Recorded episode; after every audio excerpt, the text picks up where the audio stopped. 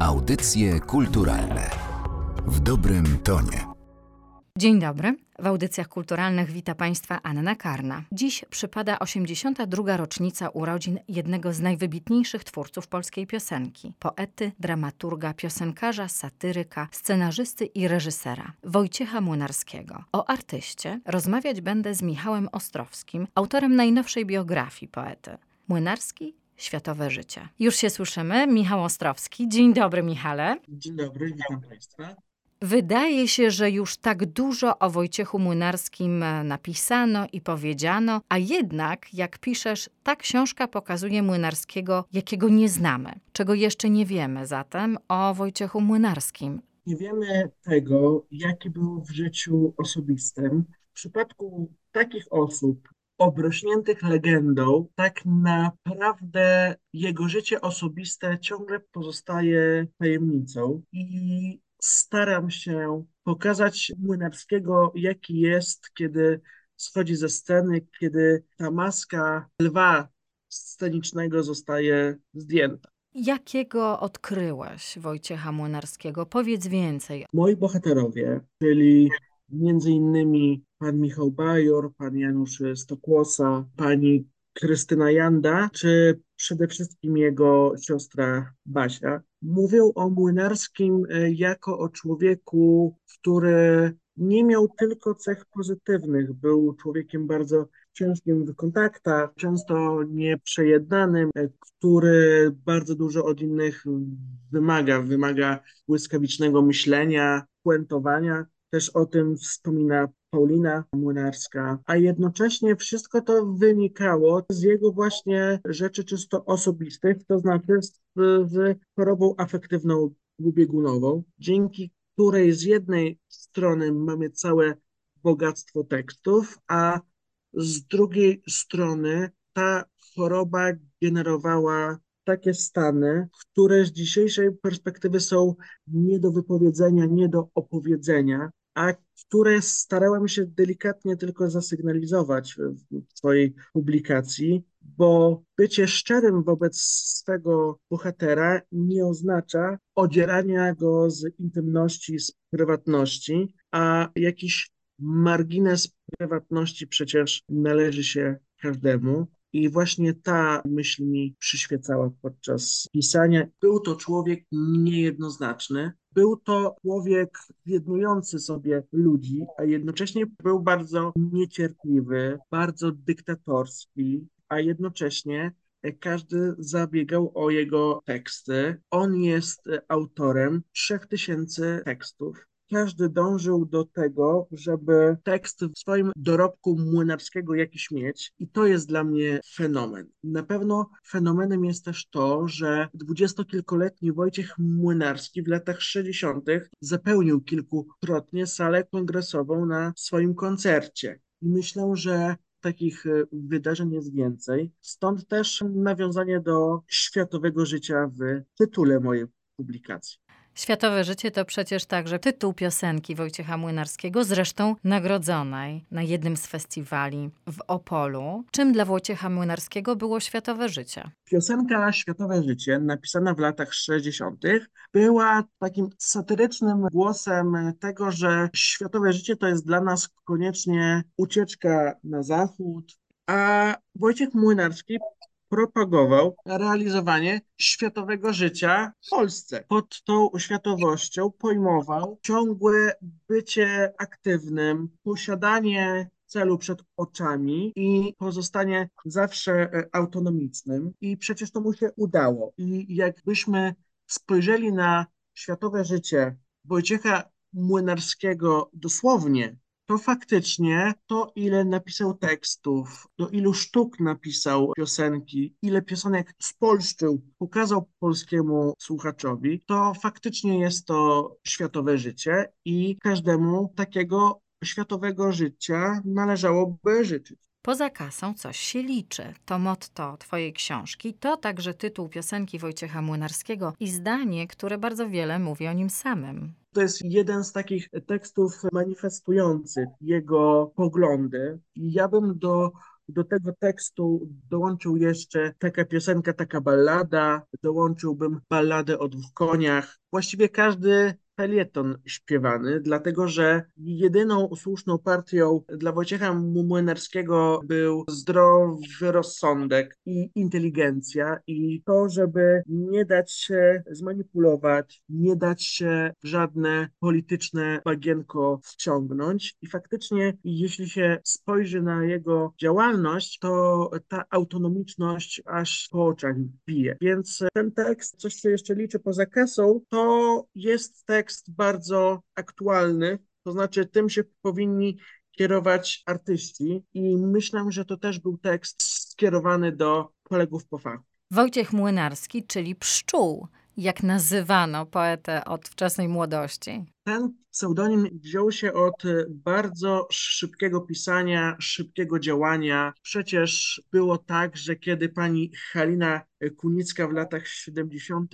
poprosiła Wojciecha Młynarskiego o napisanie jej płyty, to zaszył się na tydzień w swoim ukochanym Zakopanym i po tygodniu przyniósł 11 tekstów, a 12 tekst został napisany na parę godzin przed nagraniami. O jego szybkim działaniu mówi to, jak szybko wystawił swoje programy w hybrydach. Pierwszy program był w listopadzie 1962 roku, a następny pojawił się w maju 1963 roku. Przy czym Młynarski był przed obroną pracy magisterskiej, więc to nam mówi, jak szybko działał. Piszesz, że mówiąc o Młynarskim, wciąż przypominamy te same piosenki, a przecież część jego twórczości wciąż nie jest nam dobrze znana, a szkoda. Na przykład mam wrażenie, że odchodzą w zapomnienie jego felietony śpiewane, zaczynające się od słów miłe panie i panowie bardzo mili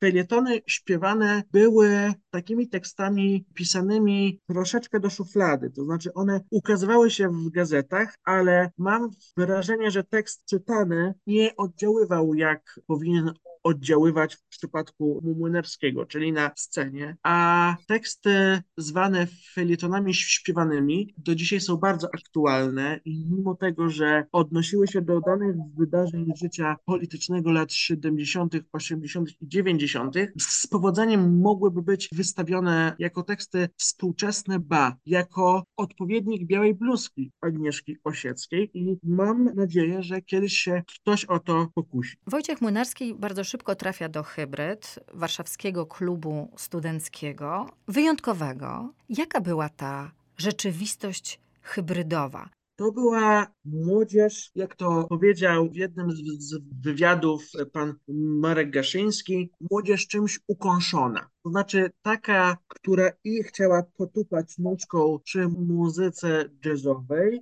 taka, która się chciała bawić dobrze, a jednocześnie tym sposobem bycia coś zamanifestować. I zaczęło się od tego, że Wojciech Młynarski w hybrydach e, pojawił się, żeby potupać nóżką. I dwudziestoparoletni Młynarski odważył się skrytykować program kabaretowy wystawiany przez pana Jana Pietrzaka. I pan Jan Pietrzak na tyle zdenerwował się, że kazał Wojciechowi Młynarskiemu wykonać to lepiej, jeśli umie. No i tak się zaczęła jego przygoda z hybrydami. Myślę, że hybrydy były bardzo istotne pod tym względem, że jednocześnie zapominali o tym, co było za oknem, o tej szarej rzeczywistości, a jednocześnie ona stanowiła punkt odniesienia. Przecież teksty Młynarskiego były od początku publicystyczne, wyśmiewały kanony. To było takie miejsce silnie sprzężone z studenckim zamanifestowaniem swoich poglądów i takim były przyczynkiem do odreagowania tego, co za oknem. A z Hybryd była już prosta droga do festiwalu piosenki w Opolu. Ten festiwal, jego historię przez 30 lat tworzy właśnie Wojciech Młynarski.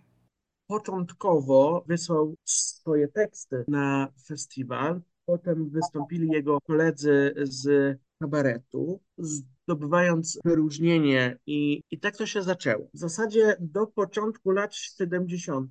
każda z edycji uwzględniała, nagradzała jakiś jego tekst. A on sam mówił, że traktuje swoje bycie w Opolu jako pewnego rodzaju hazard. I faktycznie tak było. On kochał konkurować, a Opole też było bardzo dobrym do tego miejscem. I potem, kiedy się rzeczywistość polityczna zmieniła w połowie lat 90., Wojciech Młynarski z Opola zaczął zwijać żagle dlatego że przestał się z tym stylem muzycznym, jaki wchodził na scenę, utożsamiać. Po raz ostatni pojawił się w 2008 roku, gdzie dostał Grand Prix. To był jedyny tematyczny koncert z tekstami Wojciecha Młynarskiego. Potem już nie został mu poświęcony żaden koncert. A w 2013 roku, kiedy przypadało 50-lecie Opola, bardzo przeżył to, że nie został zaproszony. To bardzo mocno go dotknęło.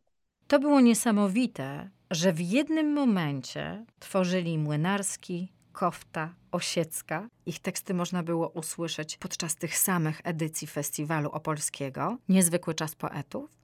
Czy rywalizowali trochę ze sobą? Myślę, że tak, chociaż każdy z nich miał innego odbiorcę. Będę upierał się przy tej tezie, że Odbiorczyniami Osieckiej były zakochane, często nieszczęśliwie kobiety. Odbiorcami kofty byli ci tęskniący za tuwimowskim sznytem, a w przypadku Młynarskiego ci, którzy kochali inteligentne mrugnięcie do widowni, publicystyczne, pełne aluzji, odniesień do rzeczywistości. Też trzeba powiedzieć, że teksty Młynarskiego miały takie cechy kabaretowe. Nawet jeśli nie dotyczyły takich rzeczy politycznych, Wojciech Młynarski stosował warę warszawską. On sam te teksty uśmieszniał, żeby widz te rzeczy wyłapał. Powiedzmy o kabarecie Dudek. Fenomen polskiej kultury, ale to była eksplozja twórczości Wojciecha Młynarskiego i jednocześnie wielka nobilitacja dla wtedy 23-latka. Oczywiście, a jednocześnie wielka szkoła pisania pod amplua danego wykonawcy. Tutaj mowa o Wiesławie Gołasie, który był wykonawcą największej ilości tekstów Młynarskiego i to on był pomysłodawcą niektórych tematów. Przecież w co się bawić wzięło się od tego, że Wiesław Gołas powiedział Wojtek, ja ci będę pokazywał śmieszne miny, a ty napiszesz do tego piosenki. I naprawdę potrzeba było niesamowitego talentu, niesamowitej błyskotliwości, która pomagałaby się wpisać w te konwencje. I proszę zauważyć, że na 160 tekstów, monologów w Dudku, 44 utwory napisał Młynarski. To jest niesamowite, i też niesamowite jest to, że każdy tekst jest inny, bo mamy tutaj teksty począwszy od czasu miłości światowego życia, po Bidusie, czy w Polskę idziemy. Te teksty mają inny poziom ciężkości właściwie, bo są piosenki i estradowe, typowo kabaretowe, jak i nasycone politycznością. Wiktor Zborowski powiedział o Wojciechu Młynarskim, że świetnie rozpoznawał smentalność, co sprawiało, że jego teksty były, są i będą zawsze aktualne. Czym była ta smentalność? Dokładnie to, o czym pisał jego ukochany Witold Gombrowicz, o wadach Polaków, o pewnym narzekactwie, o takim sarmatyzmie, który czyni nas głupio mądrych, takich hop do przodu, dopiero wtedy, kiedy jesteśmy po alkoholu, czyli w Polskę idziemy. Też oznacza to, że Wojciech Młynarski był kontynuatorem myśli Gombrowicza, Gałpińskiego, Tuwima, całego Skamandra, a Skamander, Hemar czy właśnie Gombrowicz dotknęli tych naszych wad, tego naszego narodowego cierpiętnictwa i komizmu z tego e, wynikającego. I myślę, że właśnie ta mentalność Polaków polega na poczuciu gorszości, niższości. Też e, mowa o tym, że tym podmiotem w jego tekstach nieustannie jest ten e, dziś, możemy powiedzieć, czyli ten człowiek, który jest fajny, mimo tego, że ma swoje wady, ale on jest tych wad świadom. To jest ta nasza mentalność Polak. I właściwie teksty Wojciecha Młynarskiego były skierowane do ludzi w pojęciu młynarskiego inteligentnych, chociaż nie wiem, czy z, z perspektywy współczesnej nie mamy na myśli, mówiąc inteligencję jednak emocjonalną, bo ona się z tą inteligencją, czyli z pewnym obyciem przecież wiąże. Jednym z najważniejszych miejsc na mapie Warszawy i na mapie życia Wojciecha Młynarskiego na pewno był Teatr Ateneum. Tak, dlatego że jak hybrydy się skończyły, Dudek zakończył swoją działalność, Młynarskiego ciągnęło do takiej wielkiej publiczności, z którą mógłby nawiązać ponowny kontakt intelektualny, kontakt, którym nawiązywałby do tych swoich największych autorytetów. I pojawił się w latach 80. Ateneum i oferta od pana Warmińskiego, żeby Wojciech Młynarski przejął opiekę nad sceną na dole. No i tak powstały jego najsłynniejsze, największe musicale. Zamiarem moim jest mówienie prawdy o otaczającej nas rzeczywistości, napisał na obwolucie swojej pierwszej płyty Wojciech Młynarski. I tak było od pierwszego do ostatniego słowa autora. Był wybitnym obserwatorem a jednocześnie obserwatorem e, od lat 90. bardzo cierpiącym, dlatego że nie zgadzał się z zastaną rzeczywistością, też inaczej wyobrażał sobie upadek komunizmu i budowanie nowego ustroju. I faktycznie od lat 90. do 2014 roku mniej więcej pojawia się najwięcej tekstów, które są jeszcze kąśliwsze niż dotychczas, a mówią o tym ich tytuły, bo jest tłum nieleczonych, Rzeczpospolita niewyspanych, do wariatów i one mówią już o jego stosunku do świata. I tych tekstów jest bardzo dużo. I Wojciech Młynarski był obserwatorem bacznym, który wiedział, że tylko próba dotarcia do takiego narodowego sumienia, dla takiego efektu warto żyć. To było silnie sprzężone ze wszystkimi jego działalnościami i taki był do końca. Jego piosenki chcieli śpiewać wszyscy. Jego piosenki śpiewali najwięksi polscy wokaliści: Danuta Błażejczyk, Alicja Majewska, Skaldowie, Michał Bajor, Edyta Geppert i jeszcze wiele wspaniałych nazwisk. Dlaczego do dziś pamiętamy piosenki Młynarskiego? Dlaczego dziś wciąż kolejne pokolenia chcą tę twórczość wykonywać? Tutaj nasuwa się myśl pani Danuty Błażejczyk. Pani Danusia powiedziała, że jednym wychodzi pisanie piosenek, a drugim wychodzi to bokiem. I myślę, że fenomen Młynarskiego tkwił e, w tym, że był piekielnie aktualny. Aktualność polegała właśnie na nawiązywaniu do takich uniwersalnych wartości, tak jak w poezji to się dzieje, dlatego możemy Wojciecha Młynarskiego śmiało nazywać poetą piosenki, tak samo jak i poetą piosenki możemy nazywać i Osiecką, Koftę i Przyborę. Młynarski Światowe Życie. Zachęcamy Państwa do tej biografii nie tylko w urodziny poety polskiej piosenki. Gościem audycji kulturalnych był autor biografii Michał Ostrowski. Bardzo dziękuję za to spotkanie. Dziękuję. Audycje kulturalne w dobrym tonie.